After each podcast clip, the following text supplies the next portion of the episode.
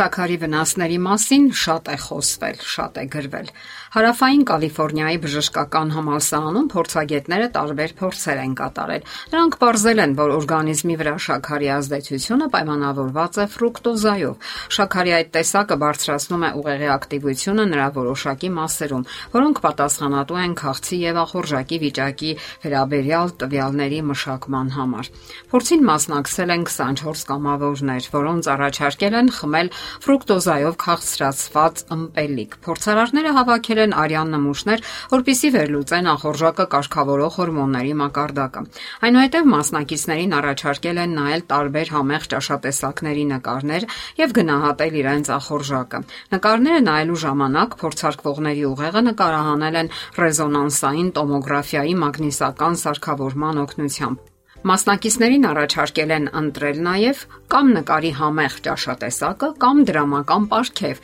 որը հավասար է եղել իրենց 1 ամսվա աշխատավարձին։ Այս տեստից հետո կամավորները կրկնել են նմանօրինակ փորձը։ Միայն այս անգամ ֆրուկտոզայի փոխարեն խմել են գլյուկոզայով քաղցրացված ըմպելիք։ Ֆրուկտոզան օգտագործելու դեպքում փորձի մասնակիցները ընտրել են բարձր կալորիականությամբ սննդատեսակները, իսկ ահա գլյուկոզայով փորձի դեպքում ընտրել են դրամական ապարքեվատրությունը, ասում է հեղինակներից մեկը կլինիկական բժշկության դոցենտ Քեթլինը։ Ֆրուկտոզան չի խթանում հորմոնները, ինչպիսին է օրինակ ինսուլինը, որը կարևոր նշանակություն ունի օրգանիզմի համար, բացատրում է Քեթլինը։ Ֆրուկտոզան բնության մեջ պարունակվում է մրգերի եւ բանջարեղենի մեջ, սակայն դա չպետք է արգելք հանդիսանա դրանք օգտագործելու համար։ Փորձի հեղինակները պնդում են, որ մենք պետք է անընդհատ օգտագործենք դրանք։ Դրանց մեջ պարունակվում է համեմատաբար ոչ մեծ քանակի շաքար, համեմատած մշակված սննդամթերքների եւ գազավորված ըմպելիքների հետ։ Օրինակ նարանջի մեջ կա 5 գրամ ֆրուկտոզա, իսկ 335 մլ հյութի մեջ 25 գրամ։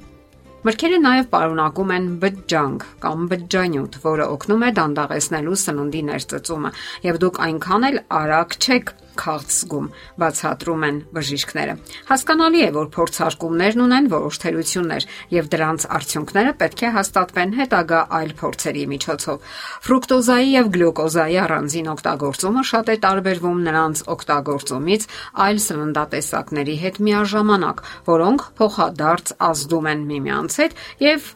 բնականաբար տուժում է մեր մարսողությունը, հայտարարել է բրիտանական հեղինակավոր հաստատություններից մեկը։ Իսկ բոլոր դեպքերում մրգերը անհրաժեշտ է գերադասել արհեստականորեն քաղցրացված սննդամթերքներից։ Վերջերս կատարված հետազոտությունները ցույց են տվել, որ ճափավոր մարզումները նպաստում են երկարակեցությանը։ Առողջապահության համաշխարհային կազմակերպության եւ Ամերիկայի առողջապահության ու սոցիալական ծառայությունների նախարարությունների խորհրդատվության համաձայն մեծահասակները պետք է ճափավոր ֆիզիկական ծանրաբեռնվածությունների վրա ծախսեն նվազագույնը շաբաթական 150 րոպե կամ 75-ից 85 րոպե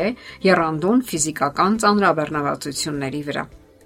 Հետազոտությունների արդյունքները հրապարակվել են JAMA ամսագրում։ Համաձայն այդ արդյունքների, այդ չափանիշներին հետևելու դեպքում ամրապնդվում է առողջությունը։ 31%-ով նվազում է մահվան ռիսկը այն մարդկանց համեմատ, ովքեր չեն զբաղվում սպորտով։ Այդ ռիսկը նվազում է 20%-ով նույնիսկ այն մարդկանց մոտ, ովքեր հազվադեպ են զբաղվում սպորտով, համեմատած նստակյաց կենսաձև վարող մարդկանց հետ։ Առողջության համար առավելագույն օգուտին հասնելու համար անհրաժեշտ է զբաղվել սպորտով շաբաթական 3-ից 5 անգամ։ Այս դեպքում մահվան վտանգը նվազում է 39%-ով այն մարդկանց համեմատ, որոնք խուսափում են ֆիզիկական ակտիվությունից։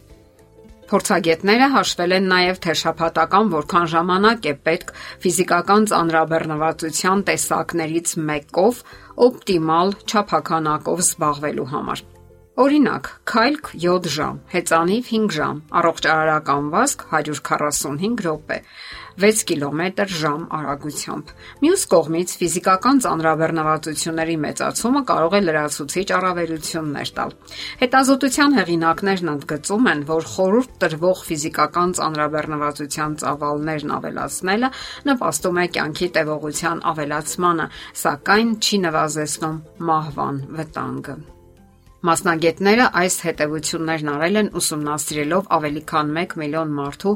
Ամերիկայից եւ Եվրոպայից։ Փորձագետները ուշադրություն են դարձրել մարդկանց այն տվյալներին, որոնք կապված են ֆիզիկական ակտիվության մակարդակի հետ, ինչպես նաեւ այն գործոններին, որոնք կարող են ազդել արդյունքների վրա։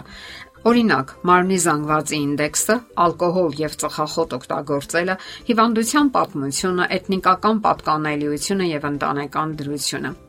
Իսկ ինչ վերաբերում է ալկոհոլ օգտագործելուն, վասկը կարող է վատ թարացնել տվյալ մարդու առողջական վիճակը։ Մայոյի կլինիկաներում հրապարակված հետազոտությունները ցույց են տվել, որ դիմացկունության նողված չափազանց մեծ ծանրաբեռնվածությունները, օրինակ մարաթոն, կամ հեծանվով մեծ տարածություններ կտրելը կարող են կառուցվածքային փոփոխություններ առաջացնել սրտում եւ խոշոր զարկերակներում, դրանով վնասվածք առաջացնելով սրտամկանը։ Այդպիսի մարզաձևերով զբաղվելը լի է վտանգներով։ Կարող են առաջանալ նախասրտի ֆիբրիլյացիա, դիաստոլիկ դիսֆունկցիա, զարկերակների կարծրացում եւ խոշոր զարկերակների կալցիֆիկացիա։ Կանզասի Սուրբ Ղուկաս Հիվանդանոցի հետազոտության կոորդինատոր եւ դոկտոր Ջեյմս Կիֆը պարզաբանում է.